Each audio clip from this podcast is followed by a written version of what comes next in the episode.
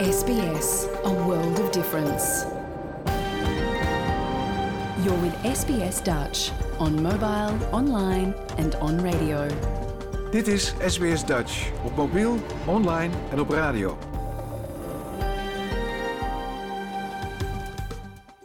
Graag erkennen wij de traditionele eigenaren en verzorgers van het land van waar we vandaag SBS Dutch uitzenden en uiten we ons respect aan de Camaragal mensen van de Kurungay Nation en hun ouderlingen uit het heden en het verleden. Ook kennen we de traditionele eigenaren van alle Aboriginal en Torres Strait Islander landen van waar u vandaag naar ons programma luistert.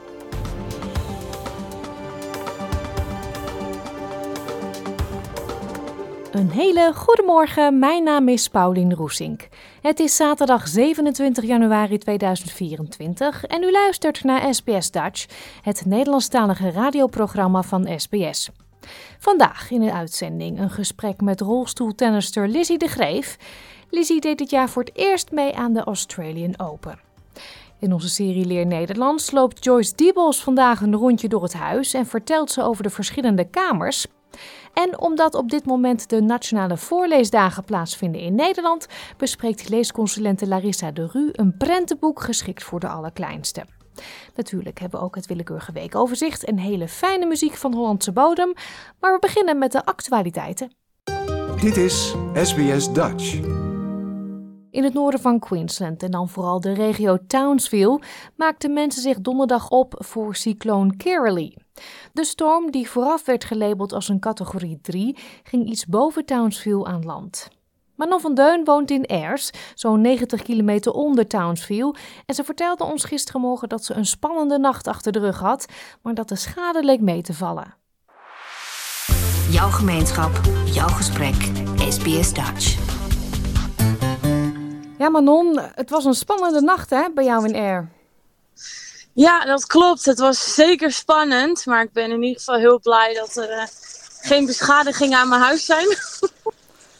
nee, want uh, hoe hebben jullie je voorbereid op cycloon Kirrily?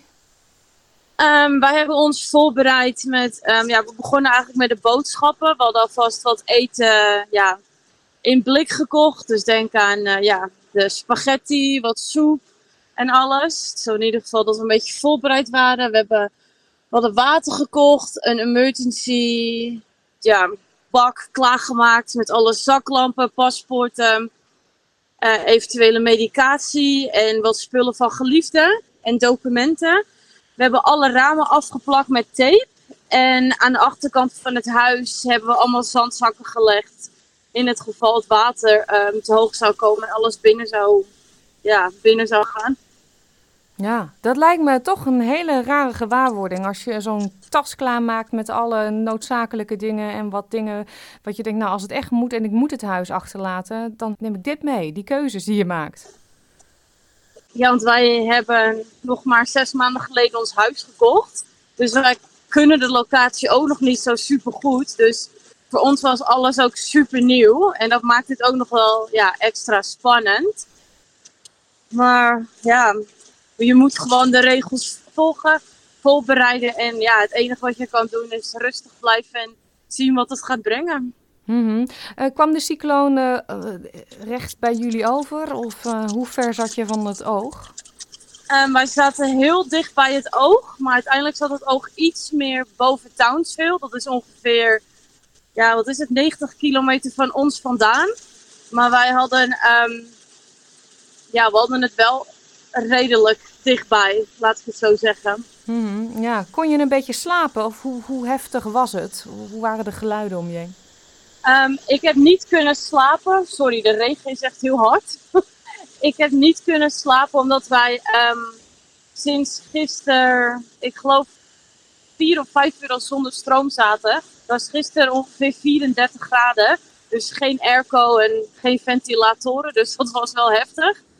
En ja, verder wel veel takken tegen het dak. Dat maakt het wel een beetje eng. Maar gelukkig hebben we een nieuw dak, dus ik was niet heel bang. Hmm, ja, ik heb begrepen dat deze cycloon uh, voornamelijk uit wind bestond. Heel veel wind. En dat de regen uitbleef. Maar dat wordt nu goed gemaakt, hoor ik. Ja, dat klopt. Uh, het was vooral wind, inderdaad. En ja, ook wel aardig sterke. En bijna geen regen. En ja, nu na de cyclone komt al het regen. Mhm. Heb je al in de buurt kunnen rondkijken en met buren kunnen praten? Hoe is de schade in de buurt? Ehm, ja, we, ehm, nou, we zijn nu eigenlijk, as we speak, een stukje aan het rijden. En er zijn heel veel, ja, eigenlijk omgevallen bomen, takken overal. Ehm, iemand is het dak kwijtgeraakt, helaas. Want ja, sommige huizen zijn niet cyclone-proof. En ja, dan is natuurlijk de, de kans dat je je dak kwijt kan raken. En dat is helaas bij iemand gebeurd. En er zijn heel veel stroomkabels um, naar beneden gevallen. Dus dat soort situaties maakt het natuurlijk ook wel weer gevaarlijk. Mhm. Maar het had erger gekund, als ik het zo kan zeggen. Ja, en uh, slachtoffers, tot zover niks bekend daarvan? Nee, ik heb wel vanmorgen vroeg een ambulance gehoord. Langs ons huis razen, maar er is nog niks van bekend. Ik denk dat dat op zich wel meeviel, maar misschien horen we dat later. Ik hoop het niet. Nee, nee, precies. Uh, je woont nu uh, vijf jaar in Australië. Is dit de eerste keer dat je een cycloon meemaakt? Ja, dit is de eerste keer dat we er echt middenin zitten. Ik heb um, een paar jaar geleden in Cairns gewoond. En daar stond een tropical low. Ja, echt.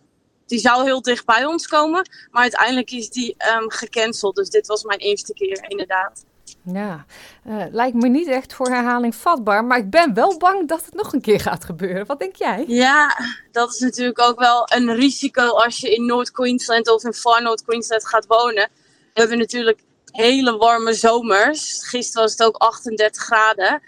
En ja, dat soort weer hoort er helaas bij. En helemaal als je een huis hier hebt gekocht, dan, ja, dan kom je natuurlijk wel achter. Ja, okay, dit zijn de risico's, maar ja, je ja. wil de zon en het mooie leven, dus ja, helaas. Ja, dan hoort dat erbij, hè? Hoe was uh, de familie in Nederland? Uh, erg bezorgd? Heb je ze goed gerust kunnen stellen? Um, ja, ik had eigenlijk wel flink contact met mijn ouders en mijn zus. Um, ik heb ze wel gewoon gerust kunnen stellen.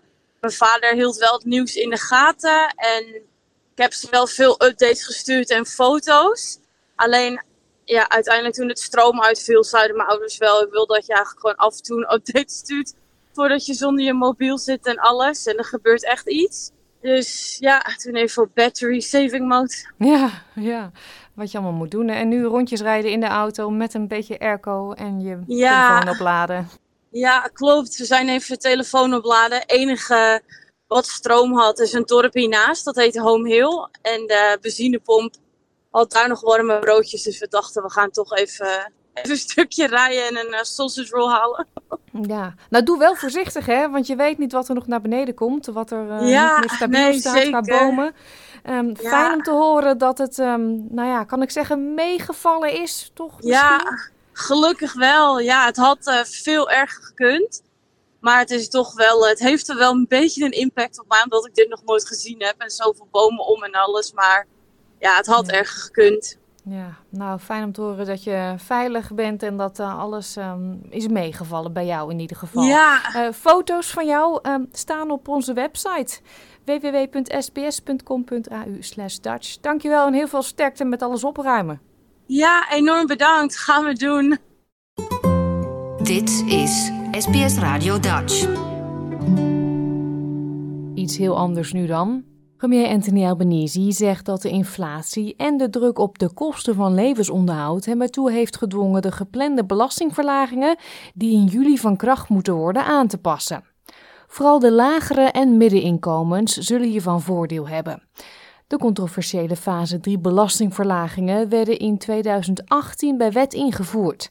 Maar Albanese zegt dat de economische situatie heel anders is dan vijf jaar geleden en dat de wijzigingen ten goede zullen komen aan miljoenen Australiërs met een bescheiden inkomen.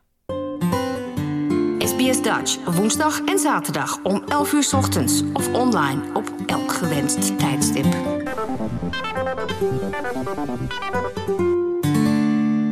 Anthony Albanese zei in een toespraak in de National Press Club dat hij de belofte die hij bij de verkiezingen deed om door te gaan met de controversiële fase 3 belastingverlagingen niet zal nakomen. I recognize as the Treasury analysis confirms working households have experienced the fastest rise in their cost of living. That's why over summer I asked Treasury and Finance to present us with options to help people with their cost of living, whilst importantly continuing the fight against inflation. Australians are looking for more help. Australians deserve more help, and today I can confirm that more help is on the way. Vanaf 1 juli zouden de belastingverlagingen, zoals in 2018 vastgelegd in de wet, het meest ten goede komen aan de hogere inkomens. Zo zouden mensen met een jaarlijks inkomen van 200.000 dollar of meer te maken krijgen met een belastingvoordeel van 9.000 dollar per jaar. De premier zegt dat de Labour Caucus na een bijeenkomst eerder deze week heeft ingestemd met de veranderingen om de voordelen van de belastingverlagingen te herverdelen ten gunste van de lage en middeninkomens. Our government will deliver a tax cut for every single Australian taxpayer. All 13.6 million taxpayers, everyone who works and who pays tax, will benefit. This is a plan for Middle Australia that delivers for every Australian taxpayer right up and down the income ladder, helping with the cost of living, nourishing aspiration, and boosting participation. Door de aanpassingen zullen de belastingverlagingen voor rijkere individuen die 135.000 tot 200.000 dollar per jaar verdienen, halveren ten opzichte van het originele plan. Werknemers die minder dan 45.000 dollar per jaar verdienen, zullen daarentegen nu wel profiteren van de belastingverlagingen. Deze groep was eerder uitgesloten. Het laagste tarief van de inkomstenbelasting zal worden verlaagd van 19 cent per dollar naar 16 cent.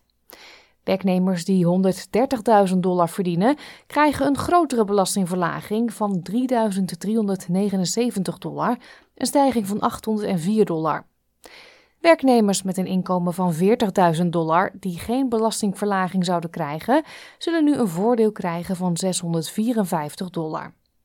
De coalitie noemt het terugkomen op de belofte om de wetswijzigingen na te komen de moeder van alle gebroken beloften. Oppositieleider Peter Dutton zegt dat hij de details van de aanpassingen wil bekijken voordat hij besluit of de coalitie de vernieuwde belastingverlagingen van Labour zal intrekken. There are more questions than answers out of what the Prime Minister said today, uh, and we want to see all of that detail and understand whether he's lying or telling the truth in relation to some of the assumptions. And you can't believe a word that he says. So I want to understand from Treasury whether it's inflationary, because if it is inflationary, as many independent economists are pointing out, his announcement today will lead to higher interest rates, or at the very least, interest rates remaining higher for longer.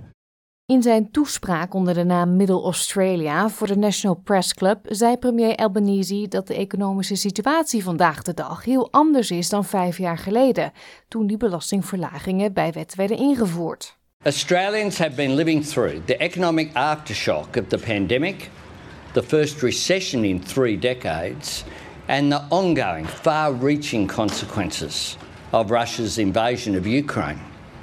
An unprecedented combination of global inflation and damaged supply chains has pushed up interest rates, putting pressure on family budgets.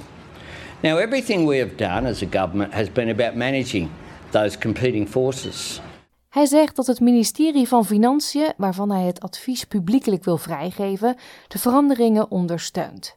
Uit dit advies zou blijken dat het nieuwe plan de inflatiedruk niet zal vergroten, omdat het grotendeels inkomstenneutraal is voor de federale begroting. De premier zegt dat de Labour Caucus ook overeenstemming heeft bereikt over andere maatregelen om de druk op kosten van levensonderhoud voor huishoudens aan te pakken. Denk daarbij aan een 12 maanden durend onderzoek naar de supermarkten door de Australian Competition and Consumer Commission en wijzigingen in wie is vrijgesteld van het betalen van de Medicare-levy van 2%. Mensen met een laag inkomen krijgen een extra belastingverlaging van maximaal 172 dollar als gevolg van het wijzigen van de drempels waarboven belastingbetalers die heffing moeten betalen. Degenen die geen belasting betalen, inclusief uitkeringsgerechtigden, zullen ook niet profiteren van de wijzigingen in het belastingplan. Cassandra Goldie van de Australian Council of Social Service zegt dat de veranderingen in de derde fase van de bezuinigingen eerlijker en welkom zijn, maar ze riep ook op tot actie om bijstandsontvangers die in armoede leven te helpen. Let's remember that about 30% of people are on income so low that they are not within the income tax system. Um, and this package, um, as it's been modified, it's definitely fairer, but there is a missing piece, and we will be calling on the government to fix that as quickly as possible. Groene leider Adam Band verwelkomt de veranderingen ook, maar wil dat de regering verder gaat in het terugdringen van de omvang van de belastingverlagingen voor de rijksten. Why is Labor still giving politicians and billionaires a $4,500 a year tax cut that's three times as much as what the average wage earner is going to get? Why is Labor expecting people to be happy with an additional $15 a week when rents have gone up by about $100 a week under Labor's housing and rental crisis, and mortgages almost $200 a week. Is this really the best that Labor can do in the middle of a housing, rental, and cost of living crisis? De grootste supermarktketen van Australië zegt blij te zijn om de consumentenwaakhond te helpen met haar onderzoek. Brett Banducci, CEO van Woolworths Group, zegt in een verklaring dat het bedrijf zich ervan bewust is dat veel Australische gezinnen het zwaar hebben en op zoek zijn naar verlichting. Hij zegt dat de voedselinflatie naar verwachting in de loop van 2024 zal afnemen. Na een mislukte voice-referendum bereidt de Albanese-regering zich ook voor op de volgende federale verkiezingen, die op of voor 27 september 2025 zullen plaatsvinden. Deze kiezers vertelden hoe ze zich voelen. Don't think we'll be voting for him again. So it's really hard to answer that question. I think we're just disappointed. Wealthier um, people being able to keep their money and paying less tax, I don't really see how that benefits or trickles down to low socioeconomic areas. People who are just trying to survive, like um, the cost of living right now. I just, for me, my concern more so is how it's going to impact low socioeconomic areas. I don't think he was given much of a fair deal uh, to begin with, but yeah, starting from a low bar, so yeah, small improvements, but not enough. Yeah, people are desperate for cost of living relief, and the new stage three cut, tax cuts will definitely uh, deliver that. That's all very well, but what are they doing about the corporations and the multinationals which are paying no tax? He's a man not to be trusted, a failure of, as, as a leader. And I think um, the whole fiasco with the yes vote, that's going to be the very thing that brings down this government. But anything that helps uh, the little fella, I'm all for that. Oh, I think that's a good idea. I'm a pensioner on a fixed income, so any break that I get like that is good. Dit verhaal werd geproduceerd door Biwa Kwan voor SBS Nieuws en in het Nederlands vertaald door SBS Dutch. Helaas voor tennisliefhebbers, maar de Australian Open loopt alweer ten einde. Bij het dames rolstoeltennistoernooi deden maar liefst vier Nederlandse vrouwen mee, waaronder de nummer 1 van de wereld, Diede de Groot, maar ook de 19-jarige debutant Lizzie de Greef. Het is pas het tweede jaar dat Lizzie meespeelt met de senioren, maar dat ze wel een balletje kan raken blijkt uit haar ranking. Ze staat momenteel negende op de wereldranglijst. Gistermiddag belden we met Lizzie en we vroegen haar hoe de eerste kennismaking met Australië is bevallen. Uh, heel erg goed. Uh, ik vind het een uh, superleuke sfeer weer op de Australian Open. In vergelijking met de andere Grand Slams. Iedereen is heel erg aardig. Alles is super goed geregeld. Ja, dat eigenlijk, ja. Ja, is er echt een heel groot verschil tussen? In welk land je bent, welk Grand Slam je speelt? Nee, ik heb er nu dan twee gehad. Ik heb nog niet uh, alle ervaringen op kunnen doen bij alle Grand Slams. Maar uh, in vergelijking met de US Open, die ik dan gespeeld heb vorig jaar, um, vind ik dit tot nu toe wel de leukste. Oh, nou dat is mooi om te horen. Dit is ook uh, pas je tweede jaar als senior, hè? Ja, inderdaad. Ik heb daarvoor wel af en toe een paar toernooien gespeeld bij de senioren. Maar toen had ik ook vooral nog veel jeugdtoernooien daarnaast. En nu is het het tweede jaar dat ik volledig gefocust ben uh, op het seniorentoernooien. Ja, je zegt een paar jeugdtoernooien, maar hallo, je was wel wereldkampioen, hè? ik bedoel, dat is niet niks. Ja. nee, inderdaad. Dat is inderdaad niet niks. nou, heb je een beetje pech dat je veel concurrentie hebt in eigen land? Dus ik kan me voorstellen dat je met niet al te hoge verwachtingen naar Melbourne bent afgereisd. Want dat ga ik even winnen. Uh, nee, ik had inderdaad niet uh, in mijn hoofd zitten dat ik zou winnen dit toernooi. Maar ik had er eigenlijk vooral heel erg zin in. En ik probeer er nu ook vooral heel erg van te genieten. Omdat ik natuurlijk hier voor het eerst ben. En gewoon alles in me op te nemen. En eigenlijk gewoon, ja, alles te zien hier. Ja, en de ervaring, het, het opdoen, het spelen, toch weer in zo'n sfeertje met Ja. grote stadions, heel veel mensen. Ja, inderdaad, ja. Ja, de eerste ronde, daar hield het al meteen op. Maar ben je nu nog steeds wel lekker aan het trainen daar op de banen? Eh, ja, ik heb eh, gisteren en vandaag eh, in de ochtend getraind. En ehm, ik ben nu eigenlijk klaar met trainen. Dus ik kan nu nog even lekker van Melbourne genieten. En wat eh, sightseeing doen. Oh, dat is leuk, want je ouders zijn er ook, hè? Ja, mijn ouders zijn er ook inderdaad. Daar ben ik heel erg blij mee. Eh, zeker omdat ik nu zo lang weg ben. Ik ben in totaal een kleine maand hier in Australië. Eh, dus het is wel fijn dat hun dan gewoon eh, nu hier zijn. Dat ik toch thuis niet zo heel erg hoef te missen. Nee. En nu ook leuk dat we dan samen deze ervaringen eh, kunnen meemaken. Ja, en dat sightseeën, beperkt dat zich tot Melbourne? Of kan je ook de auto in een, bijvoorbeeld de Great Ocean Road doen? Nou, het blijft nu eventjes een beetje bij Melbourne. En ik ga zondag naar eh, Phillips Island, als ik het goed zeg. Ja, naar de Island. Penguins. Oh, Ja. dat wordt prachtig. Een hele bijzondere ervaring. Hoe ben je eigenlijk in aanraking gekomen met rolstoeltennis? Nou, dat is echt van heel veel kanten gekomen eigenlijk. Toen ik ehm, mijn tweede amputatie heb gehad, toen adviseerde mijn dokter om een rolstoelsport te gaan zoeken. Ja, zodat ik even. eigenlijk... Oh, je noemt, je noemt nu even mijn tweede amputatie. Wil je vertellen Oh, wat er gebeurd is? Eh, ja, ik ben geboren met een misvormd voetje. En de dokter daar kun je niet mee lopen. Maar ik liep natuurlijk gewoon, na een jaar liep ik gewoon met dat voetje. Maar nog niet goed natuurlijk. Eh, dus uiteindelijk heb ik er heel veel operaties aan gehad. Ja, om dat voetje dus te behouden. Maar dat lukte uiteindelijk niet, omdat ik gewoon... Ja, ik kreeg er best wel veel last van. En toen ik zeven was, is eerst alleen mijn eh, rechtervoet geamputeerd.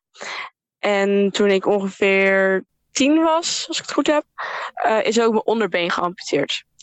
Ja, want dat was nodig. Er, er waren dingen fout gegaan, vertelde je moeder. Ja, inderdaad, ja. Ja, ah, een jaar of tien, elf, hoe ga je daar dan mee om? Eh, nou, ik moet eerlijk zeggen dat ik heel veel geblokt heb van die tijd. Dus ik weet niet alles meer. Het was natuurlijk wel een lastige periode toen. Dat ja, het zou gek zijn als dat niet zo eh, zou zijn. Maar ik ben blij dat ik er zo ben uitgekomen dat we toch hebben besloten om het te doen. Want sinds die laatste amputatie kan ik eigenlijk heel goed met mijn prothese lopen. Dus dat is heel erg fijn. Ja, dus in je dagelijks leven kan je lopen met een protheser, maar sport is dus in een rolstoel. Dat was op advies van de dokter. Ja, inderdaad. Eh, lopen overdag doe ik eigenlijk altijd gewoon met mijn prothese. Alleen als ik lange afstanden moet doen, dan is dat niet te doen. Ehm, en met sporten doe ik het in mijn rolstoel, omdat anders komt er te veel druk op mijn stomp, waardoor ik het gewoon niet lang vol kan houden.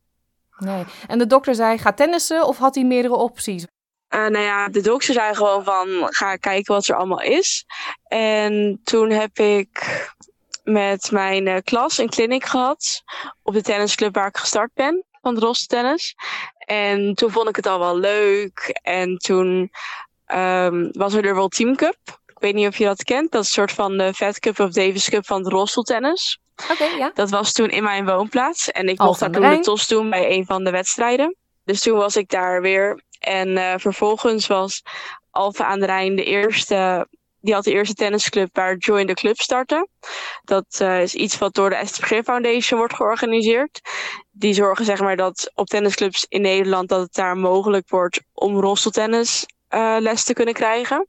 En Alphen was dus de eerste club daarvan. Ja, en SVG is natuurlijk een grootheid in Ja, de rolstoeltennis.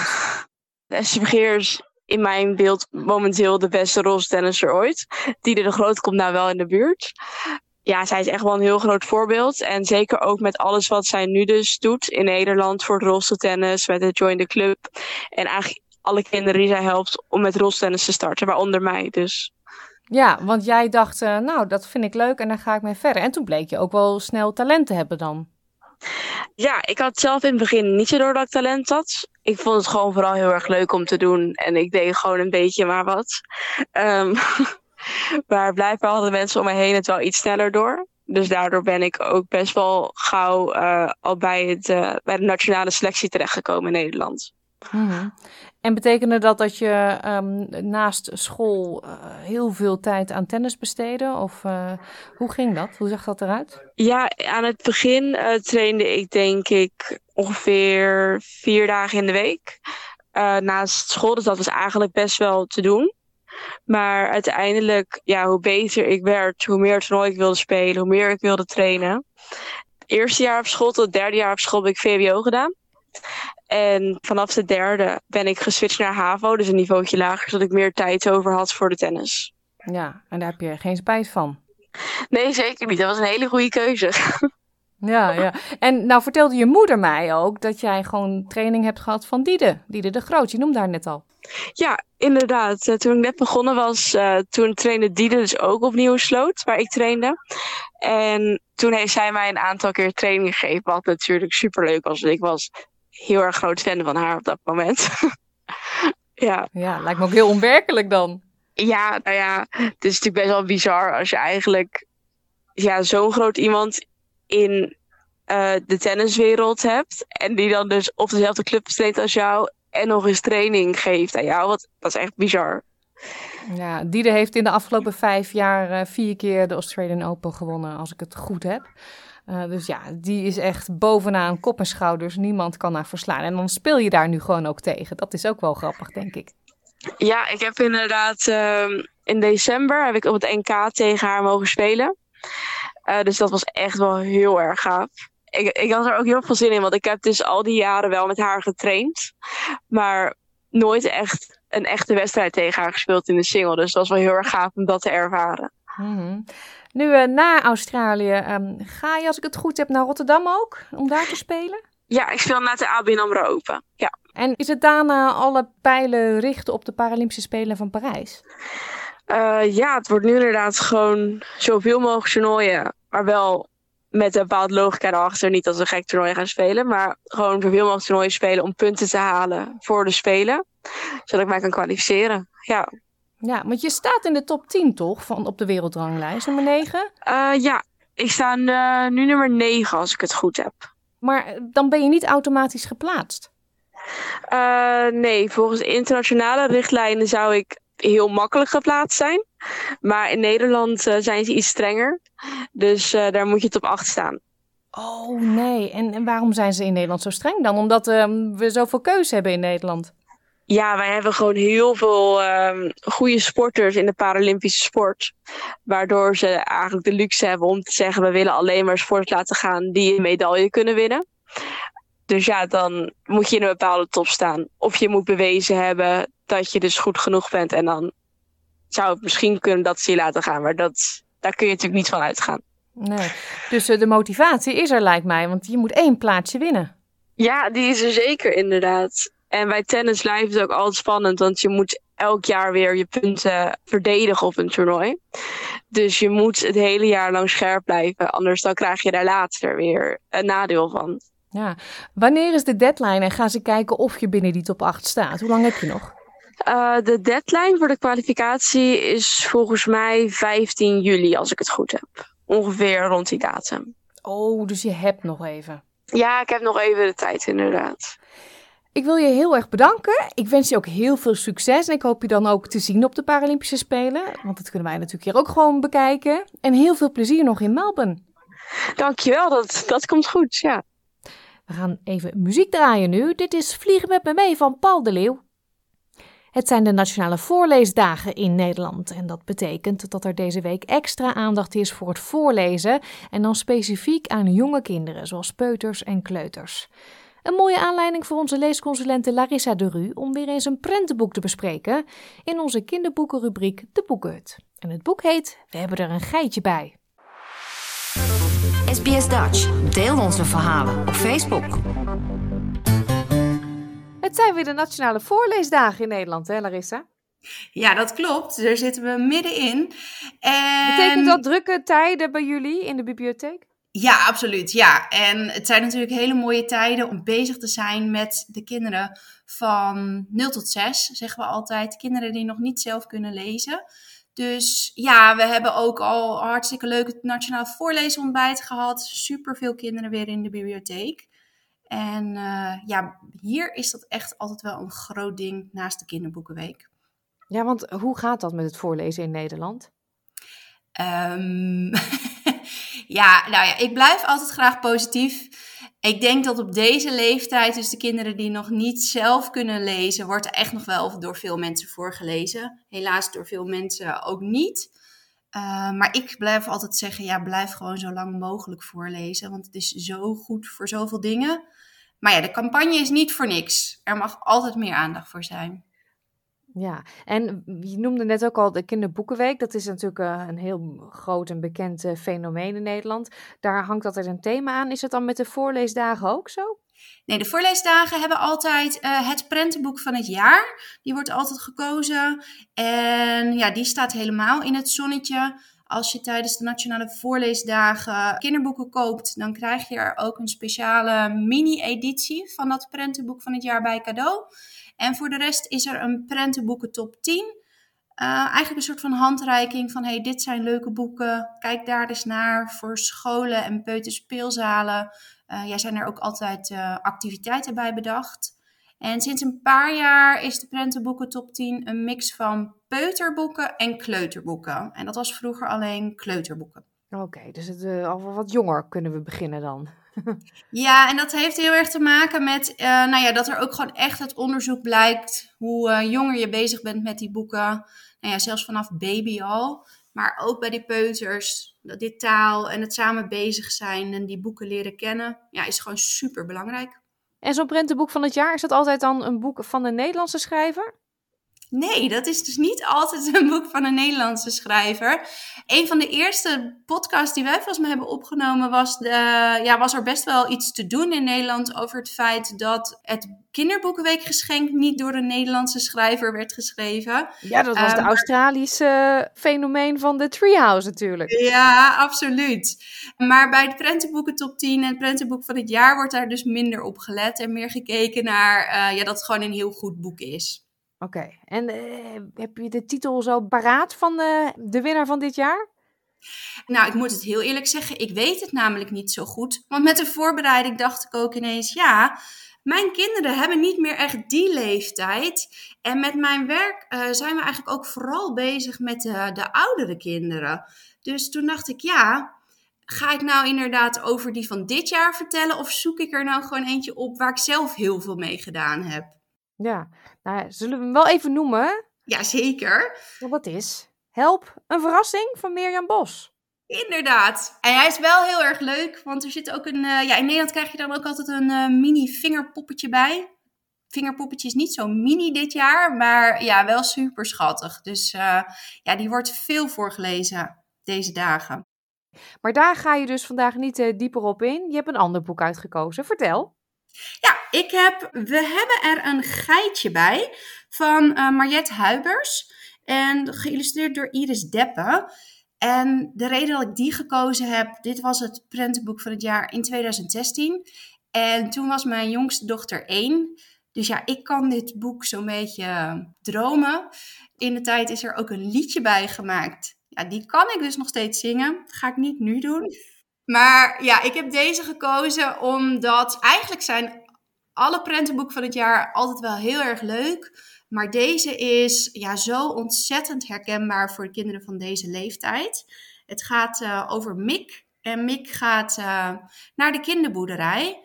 En ja, de kinderboerderij, jonge dieren. Het is zo herkenbaar voor die leeftijd. En op de kinderboerderij hebben ze er dus een geitje bij.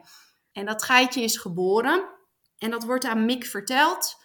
Maar voordat hij daar terecht is gekomen, gaat hij dus langs alle dieren op de kinderboerderij.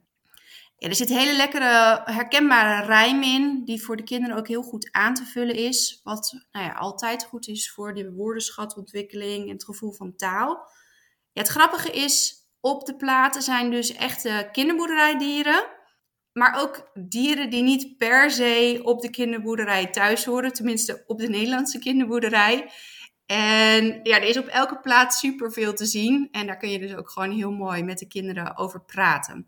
Ja, want de verhouding uh, tekst-plaatje, dat is natuurlijk um, heel veel plaatje en een klein beetje tekst. Ja. Want het zijn kleine kinderen. Ja, en dat is ook wel de kracht van, uh, van dit boek. Want steeds meer prentenboeken hebben heel veel tekst. Oh. En ik ben echt voorstander van dat die verhouding gewoon blijft zoals jij hem omschrijft. Uh, want dan blijft het tempo er ook gewoon lekker in. En als je kind de concentratie wel heeft, kun je praten over wat je ziet. En anders is het ook gewoon goed zoals het uh, is, zeg maar. Ja. Ik kan dus moeilijk vragen of je een stukje wil voorlezen, begrijp ik. Want dan lees je het hele boek voor. ik wil het wel zeker proberen. Gaan we een klein, uh, gaan we wel snel door het boek heen. Maar ik denk, we doen een, een bladzijde of vier. Dan hebben we wel een mooi idee van ja, de ritme en regelmaat van het verhaal. Op de kinderboerderij hebben ze er een geitje bij. Mick gaat er voor het eerst naartoe. Bij het hek ziet hij de koe. Boe, zegt de koe.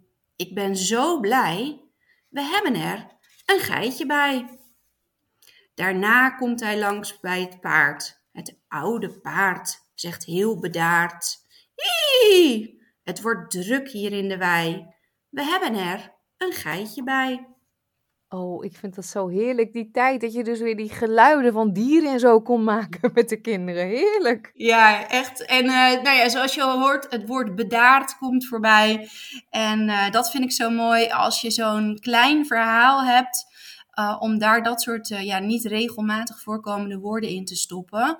Omdat de platen en de voorspelbaarheid van het verhaal gewoon de ruimte laten om dan ineens zo'n woord te gebruiken. Hmm. Ja, dan hebben ze dat toch maar wel gehoord. En jouw jongste dochter, kan die zich dit boek nog herinneren eigenlijk? Heb je dat wel eens gevraagd? Nou, dat zeg je wel. Um, ik zal het er straks als ze uit school komt hem eens laten zien. Ik denk wel dat ze hem nog kent. In ieder geval het liedje, daar gaat ze denk ik nog wel op aan. Ik ben heel benieuwd wat ze zegt. Ik ook, ja. Misschien kent zij het liedje ook nog wel. Dat denk ik wel. Nou, dan gaan we hem samen zingen als we niet door iedereen te horen zijn. Hartstikke leuk. Uh, veel plezier nog even. En ook met de drukte in de bibliotheek. Succes daarmee.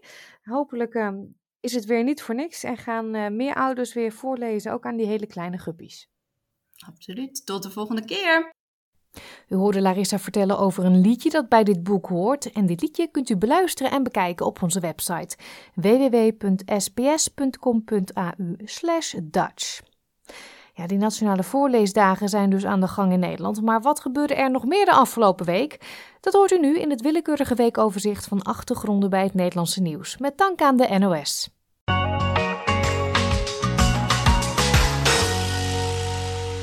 Joost Klein heeft de Popprijs 2023 gewonnen. De prijs, een geldbedrag van 10.000 euro en een beeldje van Theo Makai, werd vorig weekend uitgereikt op het festival Eurosonic Noorderslag in Groningen. De prijs wordt jaarlijks uitgereikt aan de band of artiest die in het afgelopen jaar de meeste impact heeft gehad binnen de Nederlandse popmuziek.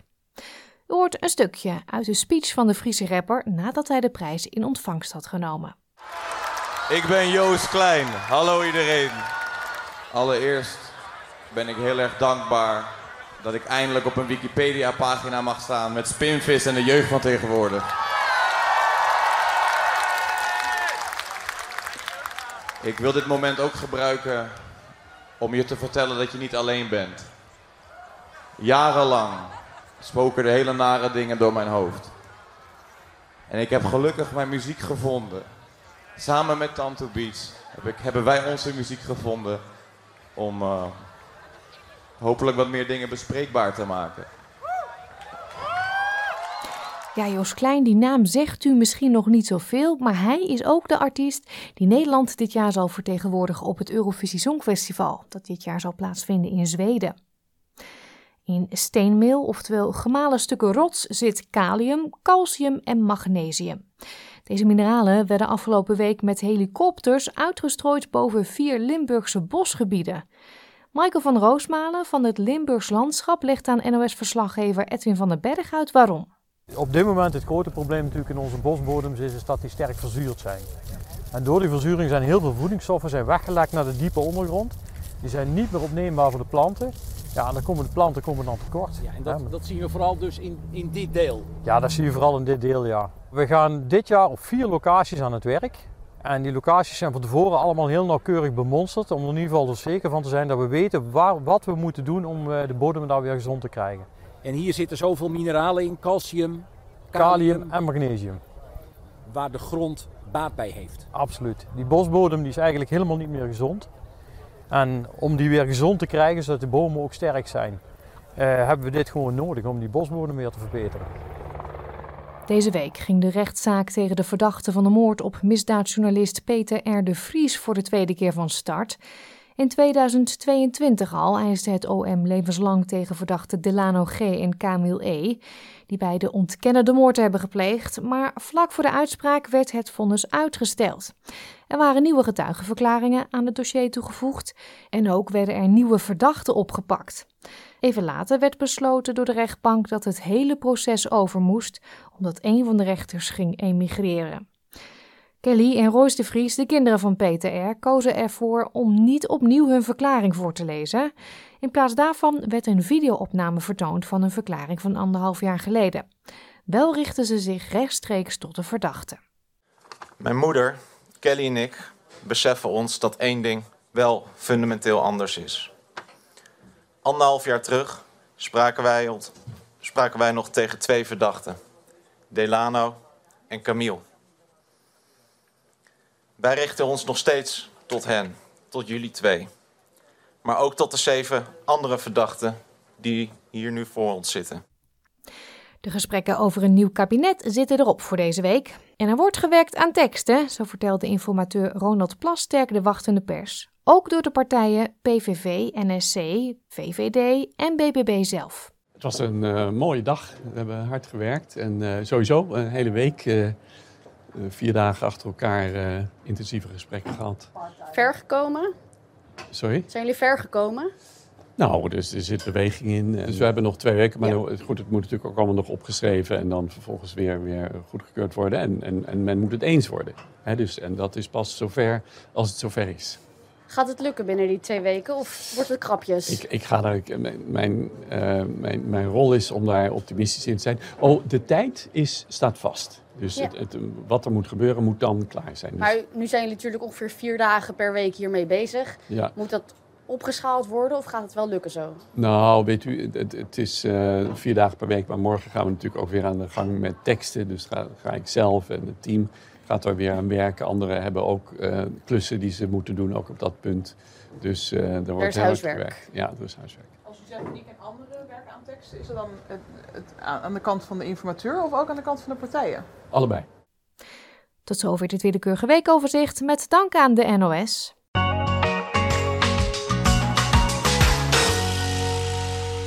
Ik heb zin om weer eens een liedje te draaien van Wim Sonneveld. Dus ja, ik hoop dat ik u daar ook een plezier mee zal doen. Want dit is de Tea Room Tango.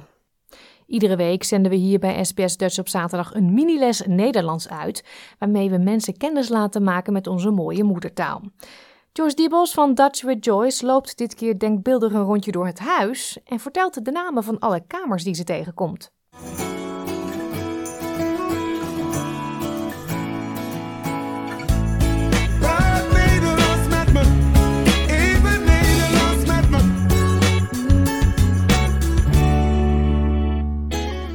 Hello, I am Joyce from Dutch with Joyce, and today there's another Dutch lesson.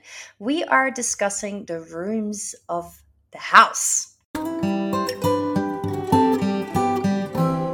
To know the word for room, think about taking a picture of a room in a house. You do that with your camera. The word for room in Dutch is similar to that. We say kamer. Kamer. Kamer is your room. So the kamers in het huis. I'll walk through them one by one. You get to repeat, and then after we'll make some sentences with them. The living room is de woonkamer. De woonkamer. The bedroom is de slaapkamer. Slaapkamer. Kitchen is de keuken. De keuken. Make sure you say the O sound there rather than the O. Keuken. The bathroom. Badkamer. de badkamer. So the D is a T sound there. De badkamer. De dining room is de eetkamer. De eetkamer. Study is de studeerkamer. De studeerkamer. Playroom, de speelkamer. De speelkamer. The hallway is de gang. So you spell it like gang, but you pronounce it Dutch. De gang. The attic, de zolder. De zolder. The basement, de kelder. De kelder. And the garden, de tuin. So not town, like a city and a town, but again, more the ow sound there. So you can use town as a reference, but with an ow sound. De town. All right, those are the rooms and town of the house. So let's practice these rooms of the house with some sentences. Again, I'll put them in a random order so you can remember the rooms better. Also, as a kind of reference here, in Dutch, we mostly tell what we're doing in a room. All right, so we sleep in a room, so we say a sleep room rather than a bedroom. And we bathe in a room, so we use it a bathing room rather than a bathroom, though they are the same etc. So that is a really good um, reference to use. Let's start. Ik kook in de keuken. Ik kook in de keuken. Ik speel met een bal in de speelkamer. Ik speel met een bal in de speelkamer. Ik werk aan de computer in de studeerkamer. Ik werk aan de computer in de studeerkamer. Ik slaap in mijn bed in de slaapkamer. Ik slaap in mijn bed in de slaapkamer. Mijn schoenen staan in de gang. Mijn schoenen staan in de gang. Ik werk aan mijn plantjes in de tuin. Ik werk aan mijn plantjes in de tuin. Ik neem een douche in de badkamer. Ik neem een douche in de badkamer. Ik kijk televisie in de woonkamer. Ik kijk televisie in de woonkamer. Ik pak eten uit de kelder. Ik pak eten uit de kelder. Ik eet mijn diner in de eetkamer. Ik eet mijn diner in de eetkamer. Ik doe mijn was op zolder. Ik doe mijn was op zolder. How did you go in repeating and guessing these sentences? I hope you did well. Keep on practicing with the sentences online whenever you need to. And until next time. Doei!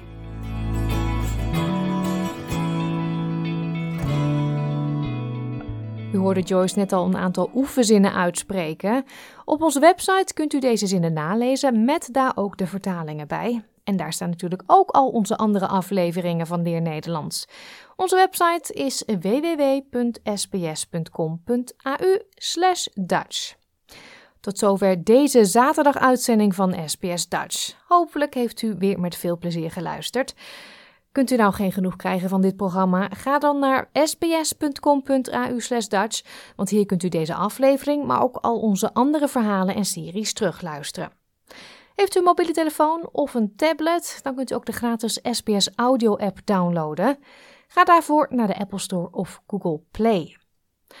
We sluiten af, zoals altijd, met muziek. Dit is Sweet Goodbyes van Cresip. Geniet van het weekend en heel graag tot woensdag. Dag! Wil je nog meer soortgelijke verhalen? Luister via Apple Podcasts, Google Podcasts, Spotify of waar je je podcasts dan ook vandaan haalt.